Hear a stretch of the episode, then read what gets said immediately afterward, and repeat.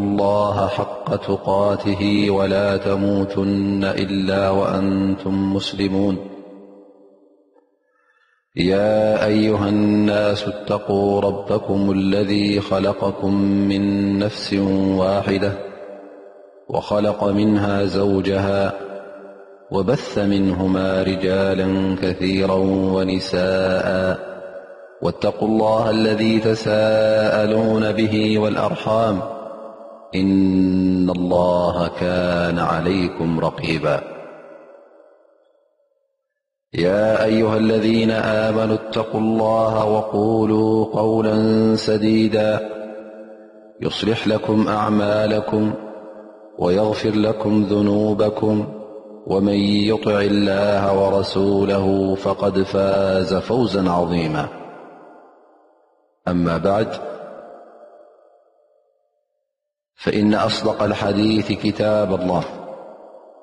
وأحسن الهدي هدي محمد - صلى الله عليه وسلم وشر الأمور محدثاتها وكل محدثة بدعة وكل بدعة ضلالة وكل ضلالة في النار ذا مقدمة مقدم مالتي كل جي ب درسخ ب خطبة بدر تبهل خطبة الحاجة تسم و ك خطبة ابن مسعود እዛ መቕድም እዚኣ ኩሉ ግዜ ተደጋጊማ እቲ ትሕዝቶናታ ውን ዝያዳ ክበርሃልና እንሻ ላ ነዛ መቕድም እዚኣ ክንትርጉማ ኢና ማለት እዩ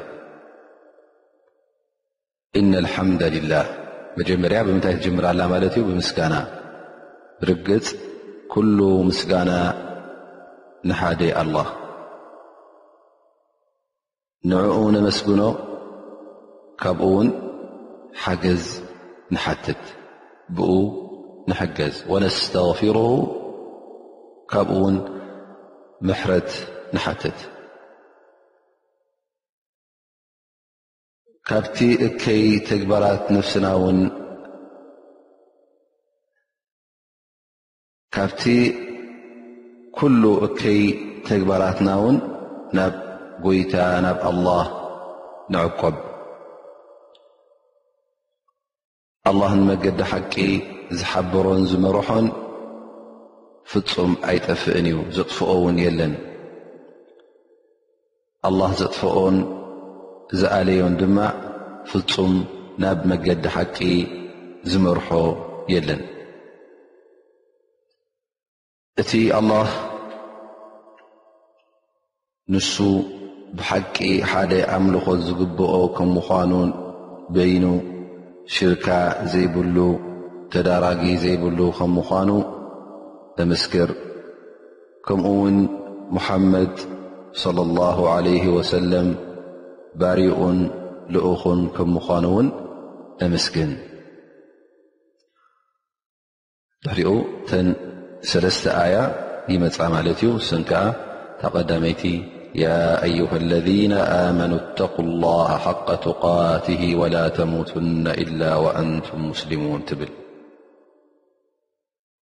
ማለት ኦ ኣንቱም ዝኣመንኩም ካብ ጎይታኹም ናይ ብሓቂ ፍርሃት ፍርሁ ናይ ብሓቂ ኣብ መንጎኹምን ኣብ መንጎ ቁጣዐ ጎይታኹምን መከላኸሊ ግበሩ ኣብዚ ተቕዋን ፍርሃት ረብን እውን ቀፅሉ ክሳዕ እታ ሰዓት ሞት ትመፀኩም ክትሞቱ ከለኹም ድማ ኣብ መገዲ ሓቂ ኣብ መገዲ እስልምና ፅንሑ ኢኹም ወላ ተሙትና ኢላ ወኣንቱም ሙስሊሙን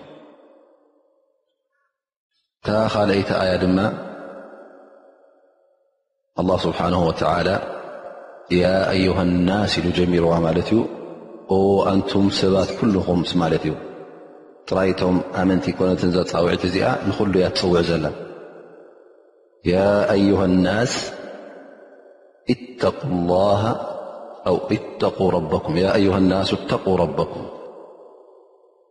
ጎይታኹም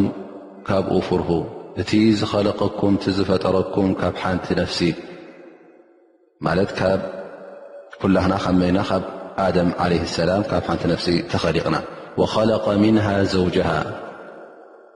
ካብዛ ነፍሲ እዚኣ እውን እታ ፅምዳ ዝኸለቀላ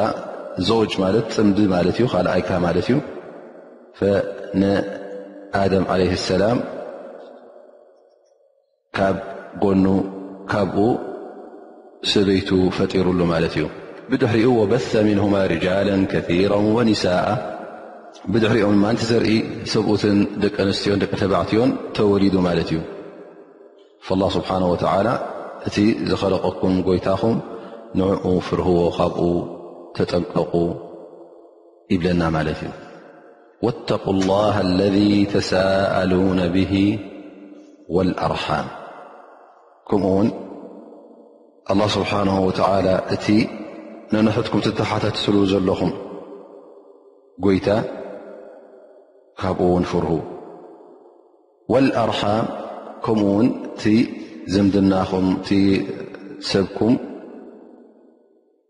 ከይትርስዑ ማለት እዩ ሕውነትኩም ኣይትብተኹ እዩ ዝብለና ዘሎ ተጠንቀቑ ኣላ ስብሓን ወተዓላ ኣርሓም ማለት ኣብ መንጎ ደቂ ሰባት ዝምድናታት ገይሩ እዩ እዚ ዝምድናታት እዚ ክሕሎ ከም ዘለዎ እና ላሃ ካነ ዓለይኩም ረቂባ ኣላ ስብሓን ወተላ ድማ እከታተለኩም እዩ ኩሉ ተግባራትኩም ለይትን መዓልትን እንታይ ትገብሩ ከም ዘለኹም ይፈልጦ እዩ እታ ሳልሰይቲ ኣያ ድማ ያ ኣዩሃ ለذነ ኣመኑ ኢላ ትጅምር ኦ ኣንቱም ዝኣመንኩም ብኣላህ እተቁ ላህ ካብ ጎይታኹም ፍርሁ ካብኡ ተጠንቀቑ ኣብ መንጎ ቁጣ ኣላህን ኣብ መንጎ ኹምን መከላኸሊ ዋልታ ግበሩ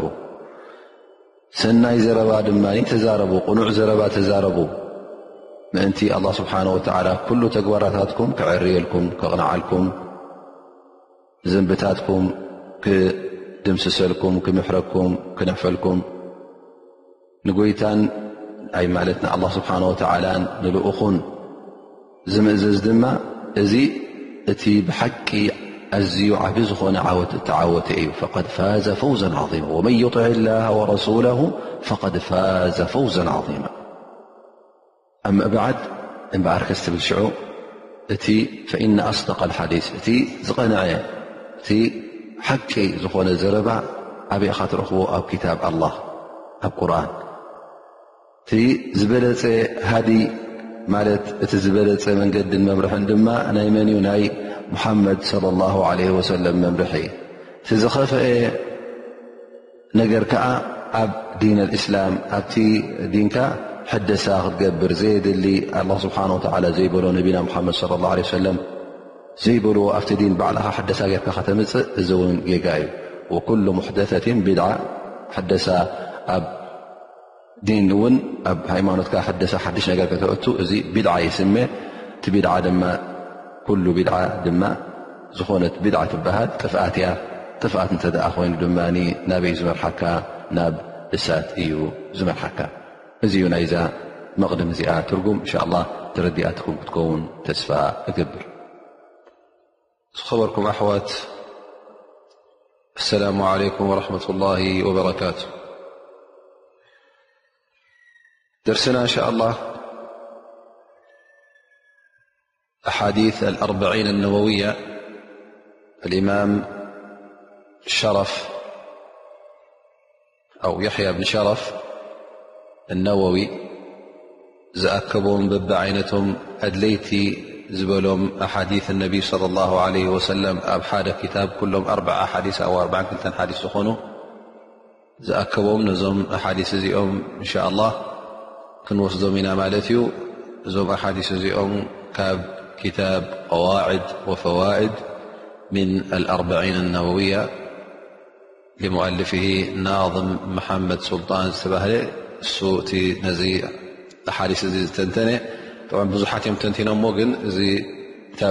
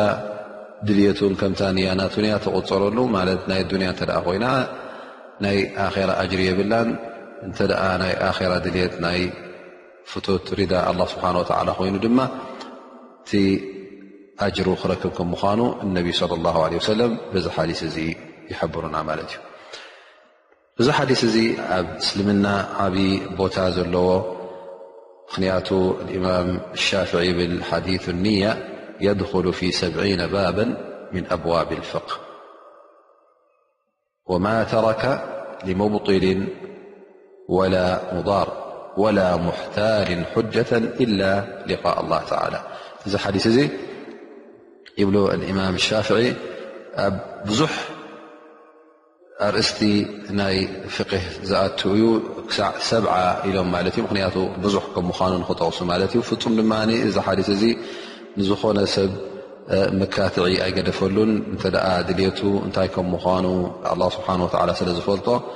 እዚ ሰብ እዚ በዚ ሓዲስ እዚ ንያናቱን ድልትናቱን ብኡ ስለ ዝውሰን ተኣጅሪ ይረኽቦዶ ኣይረኽቦን እዚ ሓዲስ እዚ ኣብሪህዎ ማለት እዩ ስለዚ ብዙሓት ዑለማእ ከም በዓል ኢማም ሸውካኒ ይብሉ እዚ ሓዲስ እዚ ሓደ ካብቲ መሰረታት ናይ እስልምና እዩ ዳርጋ ሓደ ሲሶ ናይ ዕልሚ ናይ ፍልጠት ዝሓዘለ እዩ ይብሉ ማለት እዩ ስለዚ እዚ ሓዲስ እዚ ገለ ሰባት ውን ወላ ውን ንበይኑ ክታብ ጌርካ ንክትግልፆስ ኣድላይ ይብሉ ማለት እዩ ምክንያቱ እዚ ሓዲስ እዚ ዓብዪ ኣርእስቲ ዝሓዘለ ስለ ዝኾነ ኣብ ኩሉ ናይ ሸርዕታት ወይ ከዓ ኣርእስትታት ናይ እስልምና ስለ ዝኣቱ ከምቲ እንሻ ላ ኣብ ዝመፅ ዘሎ ትንተናና ማለት ክንሪኦ ኢና ከመይ ገይሩ ከም ዝኣቱ ይብል እዚ ሓዲስ እዚ መጀመርያ ቃል ሒዝዎ ዘሎ ኢነማ ኣማሉ ብንያት እነማ ክትበሃል ከላ ኣብ ቋንቋ ዓረብኛ ቃሉ ሃ ዩፊድ ሓስር ሓስር ማለት እቲ ዝጥቀስ ዘሎ በዚ ተሓፂሩ ማለት እዩ በዚ ተጋሪዱ ማለት ካብኡ ኣይወፅን እዩ ኢዘን ዝኾነ ይኹን ተግባርሲ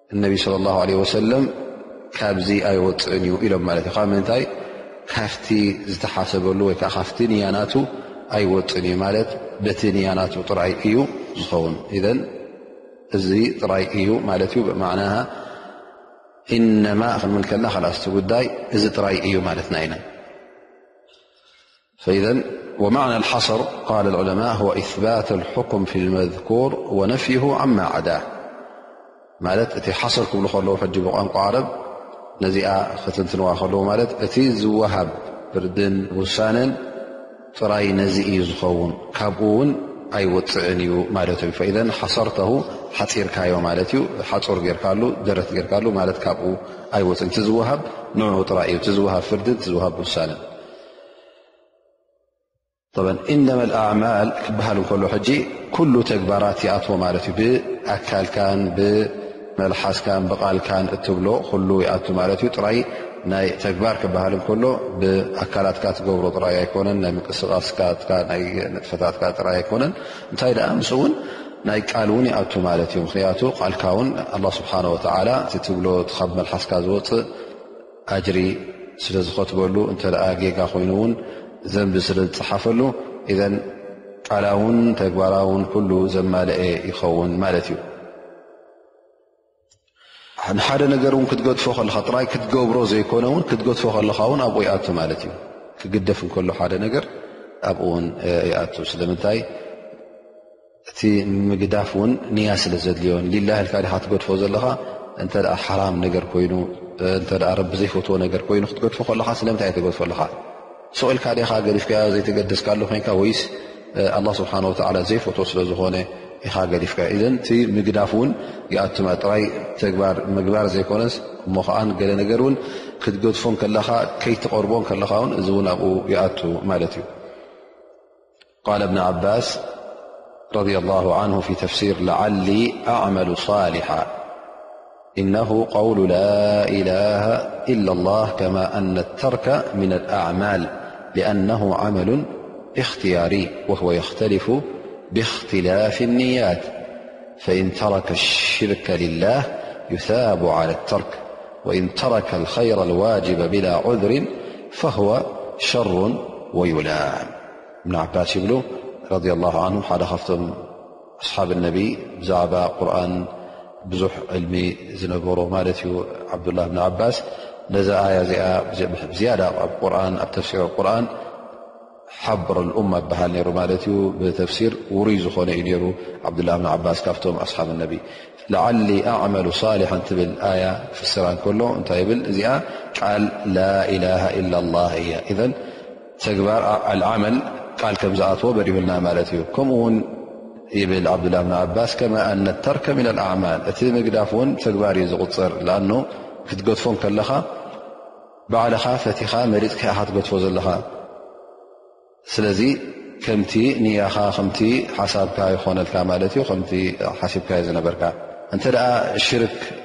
ምስ ኣላ ስብሓን ወላ ሽርካ ምግባር ሊላህ ኢልካ እተ ገዲፍካዮ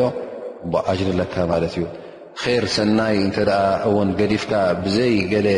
ምኽኒት ኣጉዲልካ ማለት እዩ ስለዚ ቲ ምዳፍ እውን ኣጅርን ዘንብን ከም ዘለዎ ንርኢ ማለት እዩ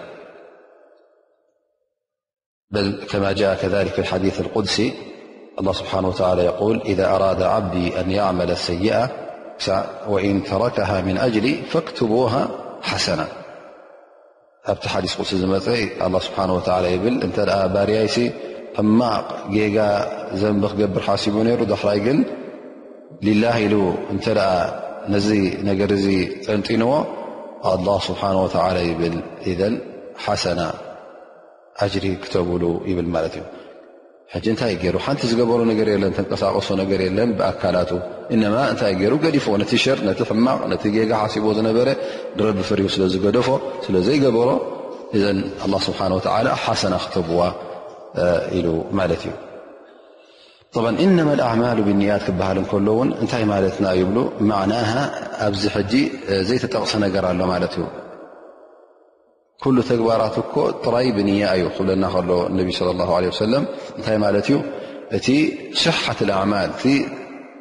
ተግባርካ ቅኑዕ ንክኸውን ቅቡል ንክኸውን ኣብ ቅድሚ ኣላ ስብሓን ወተላ ብንያ ጥራይ እዩ ማለት እዩ እዘን ስሓት ኣማል እዚኣ እትውቲ ማለት እዩ እዘን እቲ ተግባርካ ቅቡል ንክኸውን ቅኑዕ ንክኸውን ኣብ ቅድሚ ኣላ ስብሓን ወተላ ብምንታይ እዩ ዝውሰን ብንያ እዩ ዝውሰን ምናልባሽ ንስኻ ፅቡቕ ስራሕ ትሰርሕ ትህሉ ግን ንያኻ ንር ኣይኮነን ንካልእ ሕማቕ ሓሳብ እተ ነሩ ኮይኑ ር ኣይቁፀርን እዩ ዳሕራይ እውን ንነብይ ለ ላ ሰለም ኢሉ ወኢነማ ሊኩል ምርኢን ማነዋ እዘን ኩሉ ወዲ ሰብ ውን ዝኾነ ሰብ ውን ከምታ ዝንእየታ እየ እንተ ደኣ ንፅቡቕ ነይቱ ነይሩ መነዋ ሸይአ ያሕስሉ ለ ሰዋء ዓሚለ ኣው መናዓ ን ማኒዑን ይዕደሩ ብኢ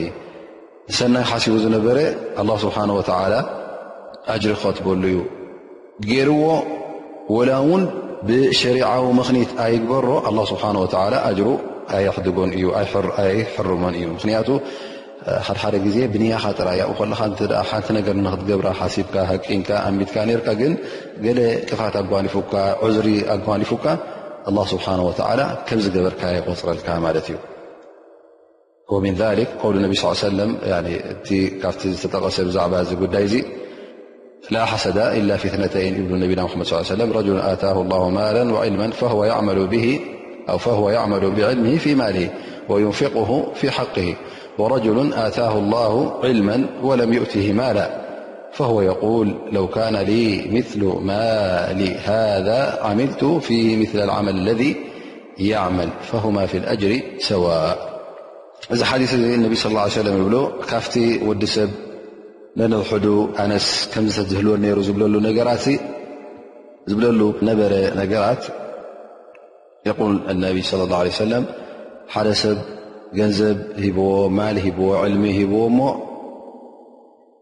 ክትሪኦ ከለኻ ንሱ ከዓ ትዕልሚ ናቱን ገንዘብ ናቱን ኣብ ር ከጥፍኦ ከሎ ክትሪኦ ከለኻ ሕጂ እንታይ ትብል ንስኻ እዋይ ኣነ እውን ልክዕ ከምዚ ሰብ እዚ ገንዘብ ነይሩኒ እንተዝኸውን ከምዚ ሰብ እዚ እውን ማል ነይሩኒ እንተዝኸውን ኣብ ሰናይ ኣብ ር መጥፋክዎ ነይረ ኢልካ ክትሕቅን ክትሓስብ ከለኻ ኣላ ስብሓን ወተዓላ ንዓኻ እውን ልክዕ ከምቲ ሰብ እቲ ከምቲ ኼር ዝገብር ዘሎ ብተግባር እስኻ በቲ ንያኻ ልክዕ ከምቲ ናቱ ኣጅሪ ትረክብ ኢኻ ኢሎም ነቢ ለ ላ ለ ሰለም እዘን ጥራይ ብንያ ኣጅሪ ክትረክብ ትኽእል ኢኻ ስለዚ ኩሉ ግዜ ንያና ከነዕር ኣለና ንያና ከነፀበቆ ኣለና ማለት እዩ ንሓዲስ ኣንፉሰና ብልከይር ኩሉ ግዜ ነዛ ነብስኻ ብር ጥራይ ትዛረበ ኣነስ ከምዚ ረቢ ሂቡ ንተዝኸውን ኣነ ከምዚ ከምዚ ዝኣመሰለ ከይራት ገበርኩ ነረ እዚ እዚ እተረኪቡ ተዝኸው ኩሉ ሓሳብካ ጥራይ ንር ንምግባር ካብ እከይ ካብ ክፍኣት ንምርሓቅ ክኸውን ኣለዎ ማለት እዩ በዛ ሓሳብካ ጥራይ እውን ኣላ ስብሓን ወተዓላ እንታይ ገብረካ ኣጅርኻ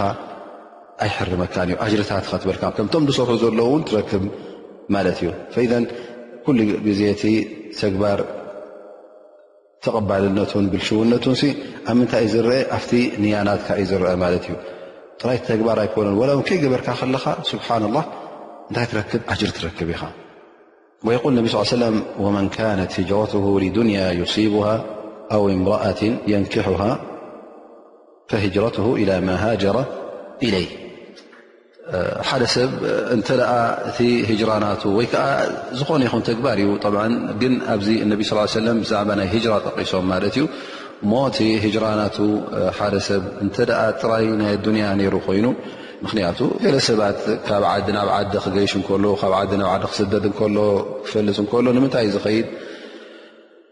ብዙሕ ንያታት ኣሎ ብዙሕ ድልት ኣሎ ንስራሕ ዝኸይድ ኣሎ ንሸቐጥ ዝኸይድ ኣሎ ንንግዲ ዝኸይድ ኣሎ ንዝፈትዋ ሰበይቲ ሰበይቲ ትፈትዎ ሰብኣይ ስለ ዘለዎ እቲ ዓዲ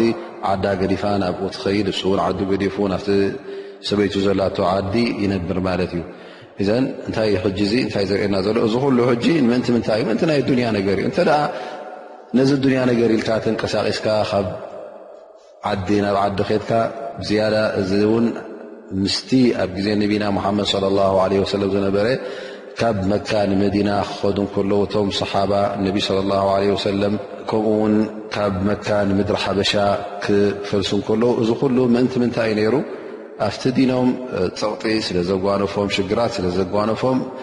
ሓለዋ ነቲ ሒዞሞ ዝነበሩ እምነትን ዓቂዳን ነቲ ሒዞሞ ዝነበሩ መርገጽን መትከልን ንዕኡ ሓለዋ ኢሎም ምእንቲ ካብ ዲኖም ፈልከት ንኸይብሉ በቲ ኣብ ርእሲኦም ዝካየድ ዘሎ ፀቐጣ እንታይ ገይሮም ማለት እዩ ኩሉ ንብረቶም ዓዶም ኣሕዋቶም ገዝኦም ማሎም ጠንጢኖም ነዚ ዲኖም እዚ ንምሕላው ካብ ዓዲ ካብ መካ ንምድሪ ሓበሻ ንመዲናን ከይዶም ነሮም ማለት እዩ እዚኦም ሕጂ እነቢ ስለ ላ ሰለም እዚኦም ፊ ሰቢልላ ምእንቲ ኣላ ስብሓን ወተላ ምእንቲ ረሱል ኢሎም ዓዶም ዝገደፉ እዮም ስለዚ ከምቲ ንያናቶም ድማ ኣላ ስብሓን ወተላ ክህቦም እዩ ግን እንተ ምስኦም ተበገሰ ኣሎ ኮይኑ ማለት ምዞም ምእመናን እዚኦም ምዞም ኣስላም እዚኦም ተበገሰ እንተ ደኣ ኣሎ ኮይኑ ካብ መካ ንመዲና ወይ ከዓ ካብ መካ ንምድሪ ሓበሻ ዝኸደ እሞ ከዓ ትመኸዲኡ ናይ ኣዱንያ ነገር እንተ ደኣ ኮይኑ እቲ ነቶም ሊላህ ኢሎም ዝወፁ ዝወሃብ ኣጅሪስ ኣይክረኽቦን እዩ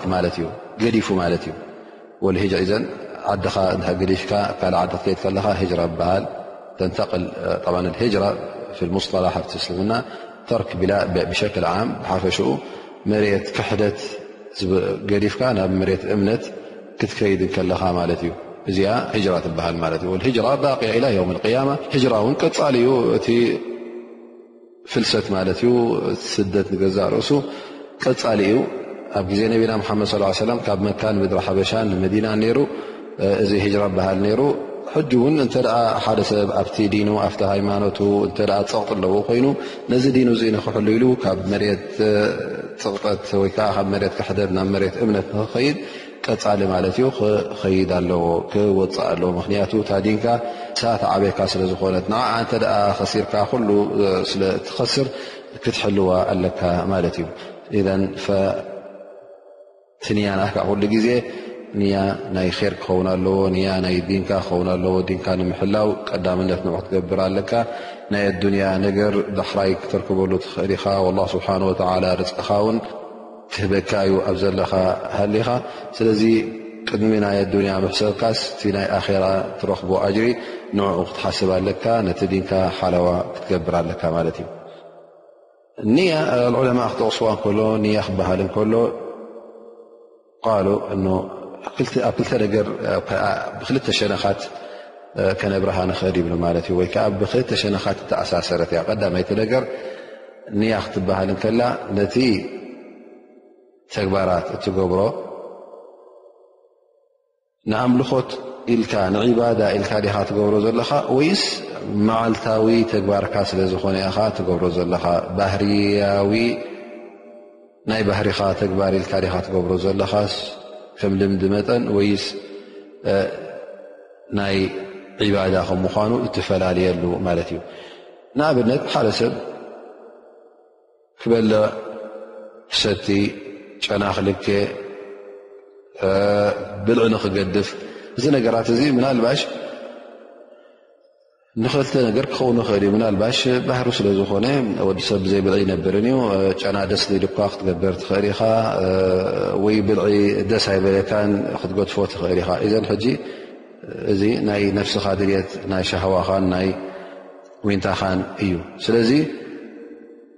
እዚ ሕጂ ክትገብሮ ከለኻ ኣጅሪ ትረክበሉን ኢኻ ላኪን እንተ ደኣ ጨና ክትልከ ከለኻ ሱና ኮይኑ ተለኺኻ ኣብቲ ነቢ ስለ ላ ለ ወሰለም ጨና ዝልከይዎ ዝነበሩ ቀቅድሚ ሓጅ ጓሮም ብሕሪ ሓጅ መዶም ጠዋፍ ክኸዱ ከለዉ ኣብ ጅምዓት ኣብ ገሌ ከምዝኣመሰለ እኩብ ቦታ ሱና ኢልካ እተ ገርካዮ ሕጂ ትጨናምልካይ ንገዛእ ርእሱ በትን እያኻ ሕጂ ፈሊኻዮ ማለት ኢኻ እዚ ትገብሮ ዘለኻ ጥራይ ናይ ልምድኻ ጥራይ ዘይኮነ እንታይ ደኣ ንዒባዳ ኢልካ ትገብሮ ከም ዘለኻ ብልዕ ክትበልዕ እንከለኻ እውን ሕጂ ንኣብነት ንበሎ ስሑር ክትበልዕ እንከለኻ ንክትፀውም ኢልካ ክትበልዖ ከለኻን ሽቕ ኢልካ ድማ ደስ ኢሉካ በልዕ ክትበልዕ ከለኻን በበይኑ እዩ ንፆም ኢልካ ንዒባዳ ኢልካ ነፍስኻ ክድልደለልካ ኢልካ ክትበልዕ ከለኻ ነፍስኻ ክተረረልካ ኢልካ ንዳሕራይ እውን ተሪርካ ነፍስኻ ኣብ ዒባዳ ኣምልኾት ኣላ ስብሓን ወተዓላ ብግቡእ ንክትፍፅም ኢልካ እተ በሊዕካ እዚ ሕጂ ኣጅር ኣለዎ ማለት እዩ ጥራይ ናይ ነፍስኻ ናይ ድልትካ ናይ ውንታኻ ሻሃዋይ ኮንካን ተብል ዘለኻ ነብስኻ ምሕጻብ ንገዛእ ርእሱ ሕጂ እንታይ ንምንታይ ትሕጸብ ነብስ ሙምክን ንክትጸሪ ኢልካ ትሕጸብ ወይ ከዓ ሙቐት ረስኒ ኮይኑካ ኢልካ ትሕጸብ ወይ እውን ጀናባ ኣለካ ኮይኑ ወይ ከዓ መዓልቲ ጅምዓት ኮይኑ ትሕጸብ ማለት እዩ ሕጂ እቲ ክዝሕለካ ኢልካ ትገብሮን ወይ ከዓ ንነፍስኻ ንክፀር ኢልካ ኢልካ ትሕፀቦን እዚ ሕጂ ከም ዓዳ ከም ናይ ልምድኻ ስለ ዝኾነ ወዲሰብ ይሕፀብ እዩ ወዲሰብ ዋዕዋዕ ኮይንዎ ክሕፀብ ፈት እዩ እዚ ስለዝኾነ ሕጂ ኣጅሪ የብሉን ላኪን ጀናባ ኮንካ ስለ ዘለካ ንጀናባ ኢልካ ክትጠሃር ንፅሬት ኢልካ ተሓፂብካ ሕጂ ኣጅር ትረኣ ኣለዎ ማለት እዩ ምክንያቱ እዚ ኣላ ስብሓን ወተላ ዝኣዘዘካ ስለ ዝኾነ ትእዛዝ ኣላ ስብሓን ወተላ ንክትዕድ ንዕኡ ኣኽብሮት ኢልካ ስለ ዝፈፀምካዮ ኣጅር ኣለዎ ማለት እዩ እዘን እዚ ዝፈላለዮ ጅምዓት ክትሕፀብ ከለካ ሱና ናይ ነቢ ሙሓመድ ስ ሰለ ኢልካ ክትሕፀብ ከለካ ፍሉይ ይኸውን ማለት እዩ እዚ ሕጂ ካብቲ ዝፈላለዩ ከምኡ እውን እንታይ ትፈላለየሉ ዓይነት ናይቲ ዕባዳ ናይቲ ኣምልኾ ትገብሮ ኢዘን ሰላት ክንሰግድ ከልና ሕጂ ክልተ ረክዓ ክትሰግድ ከለኻ ክልተ ረክዓ ምናልባሽ ሰላት ፈጅር ክኸውን ይኽእል እዩ ሱና ናይ ፈጅሪ ክኸውን ይኽእል እዩ ተሕየት መስጅድ ክኸውን ይኽእል እዩ ስለዚ ፈጅሪ መስጅድ እት ክለኻ ላዝም ክትፈል ኣለካ እቲ ንያኻ ሕጂ ብምንታይ ኢኻ ትፈልዮ ብንያ ዘን ረክዓተን ስግደን ዘለኹ እማ ተሕየት መስጅድ ኢልካ ነይትካ ብልብኻ ትሰግጅድ ማለት እዩ ወይ እውን ትሕየት መስጅድ ዘይኮነ ካልእ ትነይት ሱነት ፈጅሪ ኢልካ ውን ትሰግድ ወይ ጀማዓ ጀሚሮም ተ ፀኒሖምኻ ውን ተክልካ ምስኦም ክትኣት ም ክትኣ ከለካ ትሕየት መስድ ኢልካ ክትኣት ትኽእለን ኢኻ ወላ ሱነት ፈጅር ሱና ቀብሊ ልካ ኣይትሰግድ ታይ ፈርዲ ሰጉዲ ስለዝፀንሑኻ ሕጂ ብንያ ናይ ምታይ ኻ ትኣት ማለት እዩ ብንያ ናይ ፈርዲ እዘ እንታይ ትፈላ ኣለካ ማለት እዩ እዚ ትገብሮ ዝሰርሖ ዘለካ ባዳ ተመሳሳለይ ባዳታት ስለ ዘሎ ሰላዋት ብዙሕ ዓይነት እዩ ዘሎ ሰላት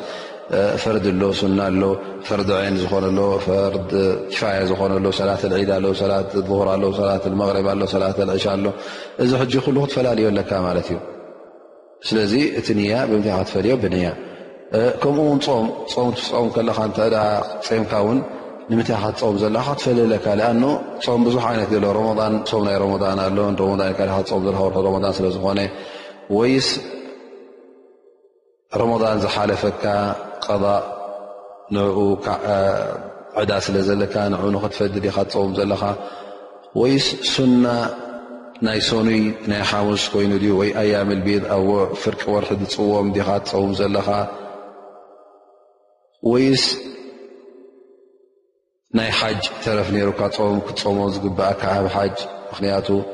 ክትሓርድ ስለዘይከኣልካ እተ ክትሓርድ ዘይከኣልካ እታይ ክትገብር ሰለስተ መዓልቲ ኣብ ሓጅ ትፆመን ዳሕራይ ምስ ተመለስካ ንዓድኻ ድማ ሸውዓተ መዓልቲ ትምልእ ወይስ ከፋራ ናይ ስያም ዲካ ትፀውም ዘለካ ከፋራ ናይ ማሓላ ምሒልካ ነርካ እሞ ኣብ ማሓላ ስለዝተጋገኻ ንኡ ንክት ድምስስ ኢልካ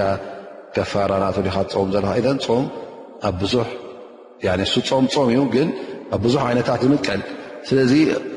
ክትውስን ኣለካ ማለት እዩ እዚ ብምንታይ ካ ትውስኖ ብንያ ኢካ ትውስኖ ማለት እዩ ንያ እንተ ዘየለውን ክውሰን ኣይክእልን እዩ ማለት እዩ ስለዚ እንታይ ከም ፆምካ ክፍለጥ ኣለዎ እዚ ሕጂ እንታይ ትፈልየሉ ማለት እቲ ንያ እዚ ሓደ ወጅሂ ዝረኣናዮ እዚ ሓደ ገፅ ምንታይ ይኸውን ማለት እዩ ኣብ መንጎቲ ሓደ ዓይነት ዝኾነ ዒባዳታት ንኡ ክትፈላለየሉ ማለት እዩ ፆም ናይ ምንታይ ፆም እዩ ሰላትናይ ምንታይ ሰላት እያትሰግደላ ማለት እዩ እይ እውን እንታይ ትፈላለየሉ ኢልና ማለት እዩ እቲ ላ ኣምልኾት ኢልካ ትገብሮን ባዳ ኢልካ ትገብሮን ዓዳ ልምዲ ኢልካ ትገብሮን እውን ትፈላለዮ ማለት እዩ ምክንያቱ ንልምዲ ኢልካ ትገብሮ ኣጅሪ የብሉን ንዒባዳ ኢልካ ትገብሮ ንሱ ሓደ ስራሕ እዩ ግን ኣጅሪ ስለ ዘለዎ ካልኣይቲ ነጥቢ እውን ኣብ ምንታይ ኣላ ማለት እዩ ብዛዕባ ናይ ንያ ብንያ ድማ እንታይ ንፈሊ እቲ ትገብሮ ዘለኻ ትሰርሖ ዘለኻ ስራሕ ንመን ኢኻ ትገብሮ ዘለኻ ሰላት ክሰግድ እንከለኹ ንመን እየ ዝሰግድ ዘለኹ ስያም ክስኦ ከለኹ ንመን እየ ዝገብር ዘለኹ ሓቂ ክዛረብ ከለኹስ ንመን እየ ሓቂ ተዛሪበ ፈይዘን እዚ እዩ ሕጂ ሃል ህዋ ላ ልላ ኢልካ ዲኻ ትገብሮ ዘለኻ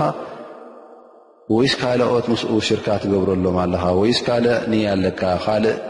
ጠለብ ኣለካ ወይስ ካልእ ሓሳብ ኣለካ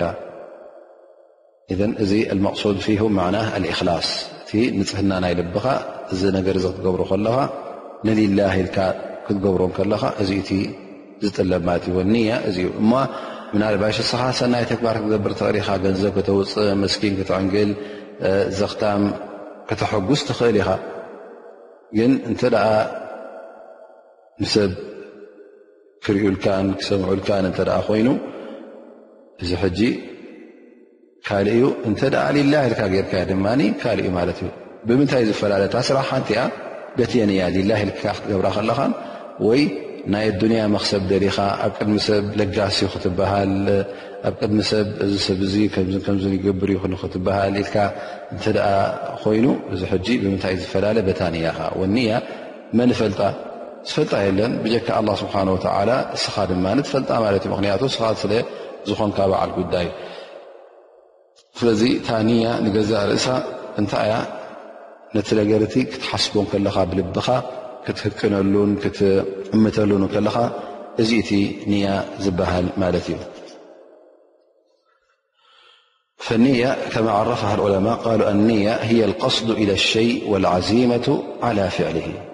ኢዘን ንያ ክበሃል ከሎ ሓደ ነገር ሓሲብካ ክትገብሮ ከለኻ እሞ ከዓ ሃቂንካ ነዚ ኢለ እየ ክገብሮ ምእንቲ እዚ ኢለ እየ ክገብሮ ክትብል ከለኻ እዚ እቲ ንያ ዝበሃል ማለት እዩ እታ ንያ ድማ ቦታ ናታ ምንታይ እዩ ኣብ ልብኻ ንየቱ መሓልሃ ኣልቀልብ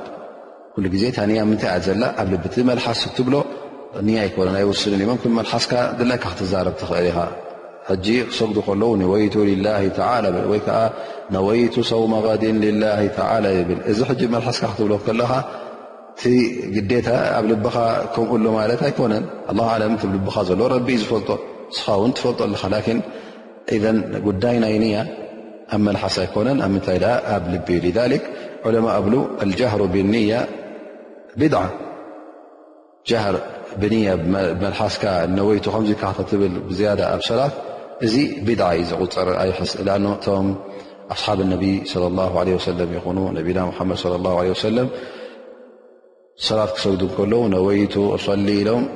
ቅድሚ ሰላት ደው ኢሎም ነዚ ነገር እዚ ገብሩ ይነበሩን እንታይ ደኣ ታንያኦም ኣብ ምንታይ እያ ነይራ ማለት እዩ ኣብ ልቦም እዛ ሰላት እዚኣ ክሰግድዋ ከም ዝኾኑ ነይቶም ኣለዉ ሓሲቦም እዛ ሰላት እዚኣ እንታይ እያ ዝህርድያ መቕርብን ኣብ ልቦም ኣላ ክንደይ ረክዓ ከም ዝሰግዱ ወሲኖም ኣለዉ ማለት እዩ ብከምዚ እዩ ነይሩ እቲ ጉዳይ ናይ እማ ብመልሓስካ ነበይቱ ክትብል ሰዋ ኣብ ስያም ኮይኑ ኣብ ሰላት ኮይኑ እዚ የለን ማለት እዩ ሕጂ እውን ኩሉ ግዜ ዋላ ሕጂ ዘካት ክትውፅእ እንከለኻ ክትህብ እንከለኻ ነወይቱ ኢልካ ኣብ ቅድመቲ መስጊድ ናሃብካ ከለኻ ነወይቱ እነሃዛ ሚት ርያል እዛ ሚተ ቅርሺ ንዘካት እያ ወይ ከዓ ሰደቃ እያ ኢልካ ኣይትዛረብን ኢኻ ኣብኡ ከለኻ ኢኻ ትህብ ማለት እዩ ምክንያቱ ኣብ ልብኻ ስለ ዝወሰንካ እታ ገንዘብ ክትባ ከለኻ ፈሊጥካ ኣለኻ እዛ ገንዘብ እዚኣ ይ ዘካት ድያ ወይስ ንሰደቃ ኢኻ ትቦ ዘለኻ እዚ ሕጂ ኣብ ምንታይ ኢኻ ትውስኖ ኣብቲ ልብኻ ማለት እዩ ፌደን ትንያ ቀንዲ ነገር ካብ ምንታይ ዝብገስ ምስ ምንታይ እተኣሳሰረ እዩ ካብ ልቢ ናብ ልቢ ምስ እተኣሳሰረ ማለት እዩ እንያ ትናታ ካብቲ ጥቕሚ ናታ እውን እንተ ክንርኢ ኮይና ዑለማ እብሉ ንያ ንገዛእ ርእሱ እቲ ሙባሕ ዝነበረ ማለት ገዛእ ርእሱ ንክትገብሮ ኣጅሪ ዘይብሉ እንከሎ ላኪን ብንያኻ እዚ ሙባሕ ነገር እዚ ፍቁድ ነገር ሲ እንታይ ይቁፅር ማለት እዩ ኣብ ዕባዳ ክቁፅር ማለት እዩ ምክንያቱ ንያ ሳሊሓ ፅቡቕ ንያ ስለ ዝገበርካ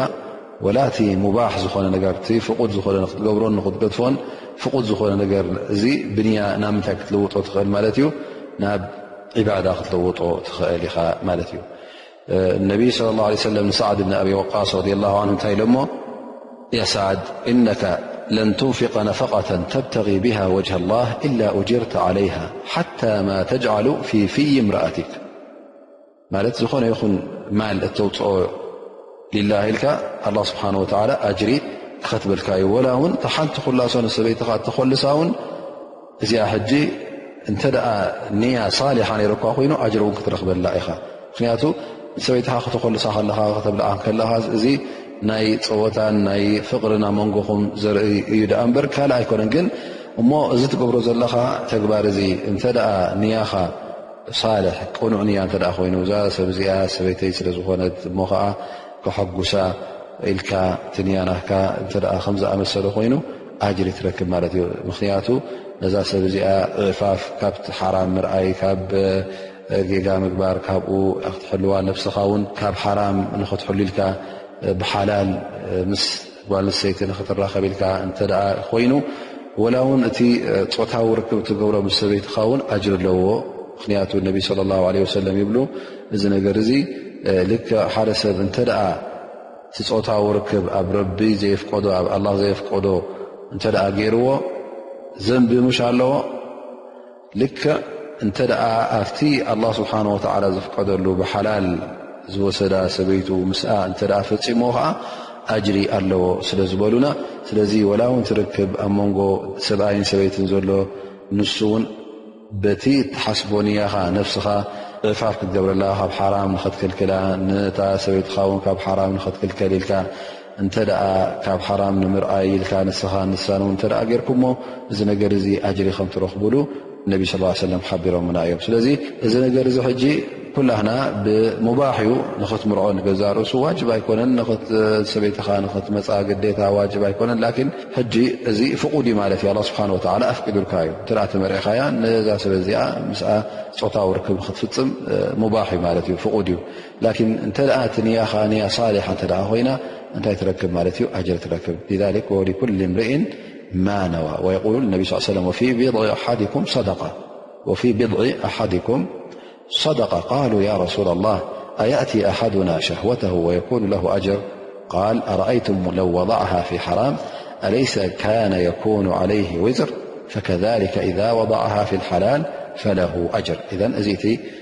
ሓዲት ናይ ነቢና ሙሓመድ ለ ላ ለ ወሰለም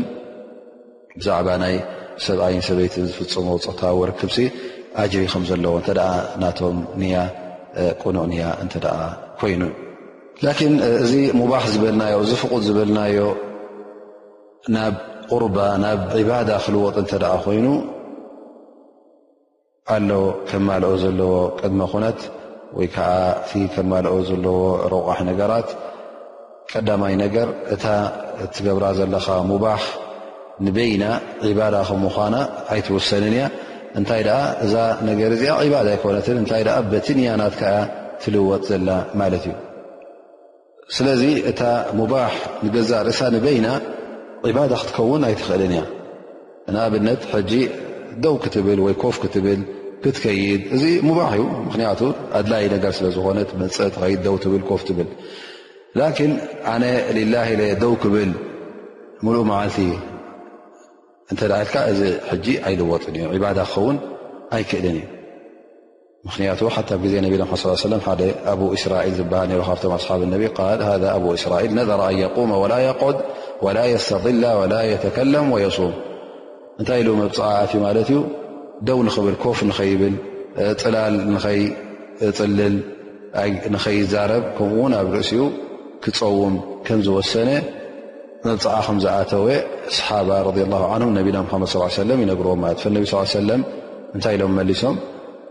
ሙሩሁ ፈልየተከለም ወልየስተል ወልየቁድ ወልዩቲመ ሰውማ ኪዱ ንገርዎ ኢኹም ከምዚ ኢልካ ተኣዚዝካ ኣለካ በልዎ ተዛረብ ኣፅልል ኮፍ በል ፆምካ ግን መላኣዮ እዘን እንታይ ማለት እዩ ዝሕጂ እቲ ሙባሕ ዝነበረ ንገዛእ ርሱ ንበይኑስ ዒባዳ ክኸውን ኣይክእልን እዩ እዚ ክንፈልጦ ኣለና ማለት እ ምክንያቱ ድሕሪ ሕጂ ዝኾነ ሙባሕ ነገርሲ ዒባዳ ገርና ንኸይ ንወስዶ እንታይ ደኣ እቲ ሙባሕ ዝበልናዮ ናብ ዕባዳ ዝሰጋገር እተ ኮይኑ ወሲላ ናይ ዕባዳ እተ ይኑ ናብ ዕባዳ ዘበፅሕ እተ ኮይኑ እዩ ደኣ እምበር እንተ ከምኡ ዘይኮነ ክልወጥ ኣይክእልን እዩ ንኣብነት እንተ ሕጂ ሓደ ሰብ ማል ትጃራ ክገብር ወይ ከዓ ክነግድ ማል ገንዘብ ክኸስብ እዚ ሕጂ ሙባሕ እዩ ላኪን ሕጂ እዚ ንበይኑ ዕባዳ ክኸውል ኣይክእል ዩ ኢላ ወሲላ እንተ ገይርዎ ኣነስ እዚ ማል እዚ ኸሲበ ናብ ጅሃድ ናብ ዘኽታም ምዕንጋል ናብ መሳኪን ምጥቃም ንህዝቢ ንምጥቃም ኢሉ እንተ ነይትሉ ሕጂ እቲ ማል እቲ ዝኸስቦ ዘሎ ዝስርሖ ዘሎ እንታይ ይኸውን ማለት እዩ ዕባዳ ይኾነሉ ማለት እዩ ከምኡውን ወላ ትበልዖን ትሰትዮን ንሱ ዘይኮነ እንታይ ደኣ ንዒባዳ ንክሕግዘኒ እተ ዘይበልዐ ኣይመን ይብሉ ኣብ ዓድና እንተ ዘይበላዕካ ዘይሰተኻ ክትሰንፍ ኢኻ ከም ጉቡእ እውን እቲ ኣላ ስብሓን ወላ ዝኣዘዘካ ናይ ሰላት ኮይኑ ሰላት ሌል ኮይኑ ሰላት ናይ መዓልቲ ናይ ለይቲ ኮይኑ ካልእ ነገራት እውን ኣላ ስብሓን ወላ ዝእዘዘካ ከተጉድል ስለ ዝኾንካ ንዓኻ ዝኣክል ትበልዕ ኣለካ ማለት እዩ እሞ እንተ እዚ ትበልዖ ዘለካ ብንያ ነቲ ዒባዳ ንክታዊ መካይልካ እተ ጌርካዮ ኣጅሪ ትረክበሉ ማለት እዩ ከምኡውን ወላ ውን ትድቃስ ትድቃስ ትቅሶ ከለካ ሕጂ ቁር ባዕሪፈ ምእንቲ ብዝያዳ ዳሕራይ ክትስእን ከለኹ ነሻቅ ገይረ ኣክቲቭ ኮይነ ክትስእ ኢልካ ፍሬሽ ኮይነ ክትስእ እሞ እቲ ዒባዳይ ክቅፅል እቲ ንሰብ ዝገብሮ ዝነበርኩ ረብሓ ንክቅፅል ኢልካ እተ ደቂስካ እታ ድቅሳ ዘለካ እንታይ ትኸማለት እዩ ኣጅሪ ትክተበልካ ከም ዒባዳ ተቁፅረልካ ማለት እዩ ኣብ ርእሲኡ ነዚ ነገር እዚ ልክዕ ከም ፈርዲ ወይ ከዓ ከም ተሽሪዕ ኢላ ኣላ ስብሓን ወላ ከም ዝሸርዖ ጌርካ ክትወስዶ የብልካን በል እንታይ ደኣ እዚ ነገር እዚ ፍቁድ እዩ ኣላ ስብሓን ወላ ኣፍቂዱልካ እዩ ላኪን እዚ ሓላል እዚ እዚ ፍቁድ እዚስ ናብ ር ንኸብፅሓኒ ኢልካ ካትንይት ደኣ እምበር ንሱ ንበይኑ ከም ሸርዒ ኮይንካ ክትወስዶ የብልካን ማለት እቲ ሙባሕ እቲ ኣላ ስብሓን ወላ ዘፍቀዶ ከም ፍቁድ ጌርካ ክትሪኦ የብልካን ከም ዋጅብ ከም ሱና ጌርካ ክትሪኦ የብልካን ኢላ ጥራይ ከም ሙባሕ ኮይኑ ትሪኦ ግን ናብ ምንታይ ከብፅሓካ ናብ እባዳ ከብፅሓካ መጨረሻ ዓላ ኩልን ካብቲ ፈዋኢድ ናይ ዝሓዲስ እዚ ንወስዶ እቲ ንያ ንገዛ ርእሱ እቲ ምህቃን ይይ ንብሎ ወይከዓ እቲ ምእማት ሓደ ገር ክትእምት ከለኻ ካብ ኢማን ተበገሰ ከም ምኳኑ ምክንያቱ ኢማን ካብ ምንታይ ትብገስ ብቐንዲ ካብ ልቢ ንያ ድማ ካብ ምንታይ እዩ ዝብገስ ወይ ከዓ ናይ ምንታይ ስራሓት እዩ ናይ ልቢ ስራሓት እዩ ስለዚ እቲ ኢማን ከምቲ ኣህል ሱና ወጀማዓ ዝብልዎ ዋ ተስዲቁን ብልጅናን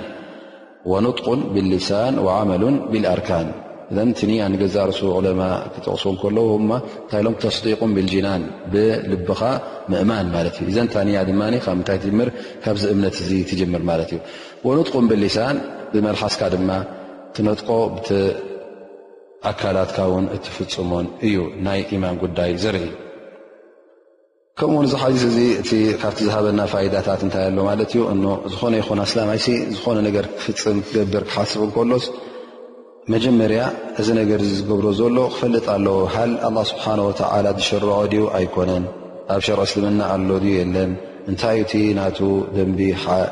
ሓራም ድዩ ሓላል ሙባሕ ድዩ ዋጅብ ድዩ ጥራይ ሓላል ሓራም ዘይኮነ ኣብ ርእሲኡ እውን ዋጅብ ድዩ ሱና ድዩ ክፈልጥ ኣለዎ ማለት እዩ ስለዚ እዚ ነገራት ክፈልጥ እንከሎ ሽዑ ታንያ ናቱ ንዒባዳ እዩ ዝገብር ዘሎ ወይስ ንዓዳ ናይ ዓዳ ድዩ ናይ ዕባዳ ክፍለየሉ ማለት እዩ ከምኡ ውን እዚ ሓዲስ እዚ ታንያ ቀንዲ ካብቲ ቅድሚ ኮነት ናይ ዝኾነ ይኹን ሰናይ ተግባራት ከም ምኳና ሸርጥ ልኣዕማል ወጣዓት ከም ምኳኑ ንሪኣ ማለት እዩ እተ ብዘይ ከኣ ብዘይ ንያ እንተ ተገይሩ ዝኾነ ይኹን ተግባር ወላ እውን ፅቡቕ ሰናይ ተግባር ይኹን ወላ እውታ ሰላት ንገዛ ርእሳ ካብኣ ዝዓቢ የለን ፆም ካብኡ ዝዓቢ የለን ሓጅ ካብኡ ዝዓቢ የለን እንተ ቅኑዕ ንያ ዘይብሉ ኮይኑ ወይ ከዓ ዘይነየትካ እተ ኮይንካ ናብዚ ነገር እዚ ንክትኣቱ ነዚ ነገር እዚ ንክትፍፅም ኣጅሪ ኣይ ክኽተበካን እዩ እቲ ትገበርከያ ተግባር እውን ባጥል ክኸውን እዩ ማለት እዩ ስለዚ ታንያ ቦታናታ ዓባ እያ ቅድመ ኮነት ናይ ሰናይ ተግባር እያ እሞኒ ኩላህና ክንጥንቀቓላ ኣለና ማለት እዩ ከምቲ ዝበልናያ እውን ትንያና ቅኑዕ ንያ ክኸውን ኣለዎ ኣላ ስብሓን ወተላ ክፈትወልናን ኣላ ስብሓን ወተላ